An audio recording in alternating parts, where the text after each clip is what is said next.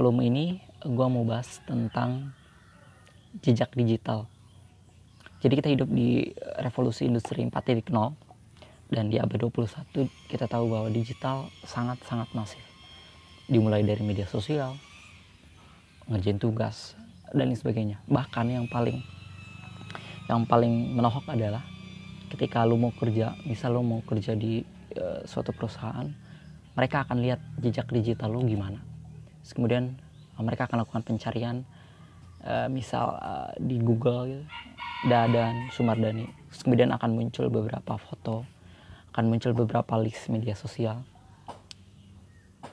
Dan mereka akan mengecek ini orang nih gimana gitu. Apakah dia terpapar radikalisme atau something yang nggak layak uh, disandingkan pada seorang yang akan dipekerjakan ya mudahnya kayak gitu. Dan sekarang gue mau bahas kayak apa sih trik-trik biar kita bisa munculin jejak digital kita yang positif dan ngilangin jejak-jejak digital kita yang negatif tentunya. Gue yakin sih setiap orang tuh pasti punya jejak digital yang negatif. Gue yakin. Karena semua orang kan pernah masa muda ya pernah punya uh, kebencian-kebencian kayak ngejek-ngejek siapa mungkin mungkin nggak semua orang cuman beberapa orang gue tahu punya pengalaman itu. Jadi dia kayak punya musuh terus kayak ngejek-ngejek di medsos atau dia pernah ya something apa ya pokoknya semua orang pasti punya jejak itu. Dan jejak itu nggak bisa hilang jejak negatif itu nggak bisa hilang di media sosial atau di catatan uh, internet itu nggak bisa hilang. Dan cara yang tepat adalah bukan menghapus itu tapi cara yang tepat adalah lu tutupin jejak negatif dari digital itu dengan jejak positif tentunya. Jejak positif dari uh, jejak digital lo gue selalu uh, memudahkan cara memahami ini dengan cara gini. Jadi pertama lu masuk ke Google terus lu ketik uh, nama lu misal nama gue ada dan Sumardani tada enter. Kemudian lu bakal lihat hasilnya. Lihat di list 5 atau list 10 ter teratas tuh apa? Kalau misalkan di situ jelek ya lu bisa bayangin lah berarti pencarian hasil lo jelek. Kalau gue di sini uh, teratas tuh Google Scholar uh, penelitian gue terus kemudian ada ResearchGate itu jejak penelitian gue terus kemudian ada LinkedIn uh, jejak uh, pencarian pekerjaan gue terus kemudian ada Twitter gue wah bahaya nih Twitter nih. Jadi gue harus biasa-biasa uh, aja nih di Twitter. Terus kemudian ada WordPress gue blog gue uh, terus kemudian ada lagi blog gue about me. Ada lagi Facebook gue terus kemudian ada akun Orchid gue akun Scopus gue terus ada akun akademi gue ada foto-foto. Foto-fotonya foto-foto. Biasa nggak nggak nggak negatif nggak positif juga sih jadi gitu itu cara termudahnya ngecek jejak digital. Lo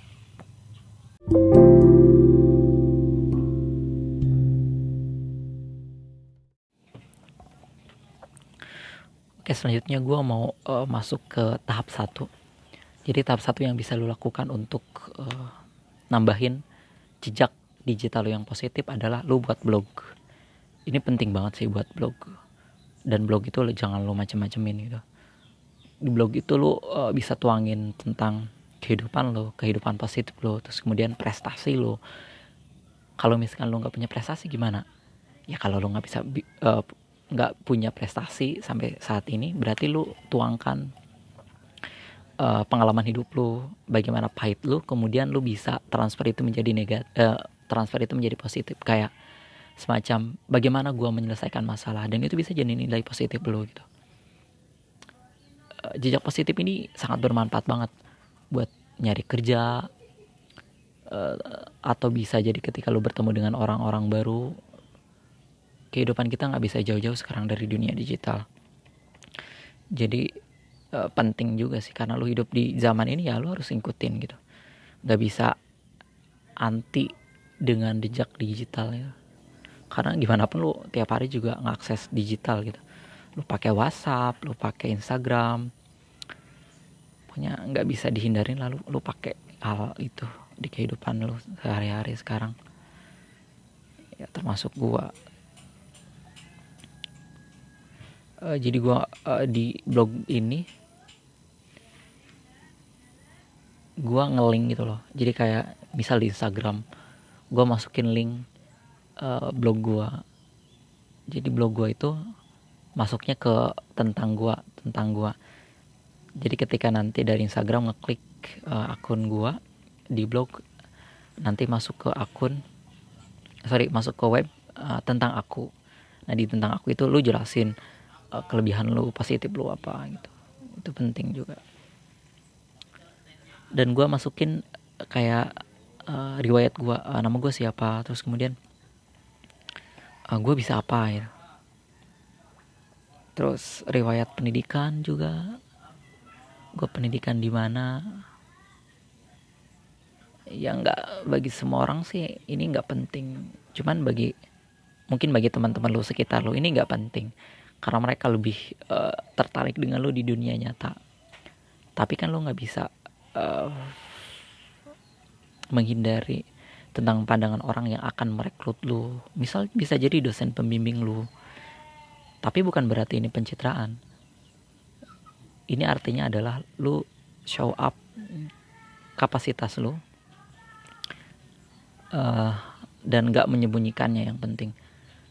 Karena konsep memunculkan kapasitas itu di zaman sekarang tuh berbeda dengan zaman dulu. Zaman dulu orang bisa mengenal lu berkapasitas itu dengan kualitas bisa lu kayak contohnya contoh kecil itu kayak penyanyi dangdut. Dulu tuh harus kayak mahir banget baru bisa jadi pemain. Sekarang tuh nggak gitu dengan branding yang bagus. Bahkan yang suaranya biasa-biasa aja tuh bisa jadi wah gitu karena branding yang bagus tadi. Jadi itu penting banget sih branding dan memunculkan sifat-sifat positif lo. Kalau misalkan gue bilang zamannya zaman munafik nggak juga sih karena emang prosesnya kayak gini gitu. nggak bisa serta nggak bisa serta merta kita menyamakan definisi memunculkan uh, positif positif dia dengan munafik nggak bisa juga ini zamannya emang zaman kayak gini gitu. mungkin kalian tahu oh, kejadian bukan kejadian sih kasus ya kasusnya lebih oh sorry gua nggak sebut nama Sebut kejadian Lipi Zeng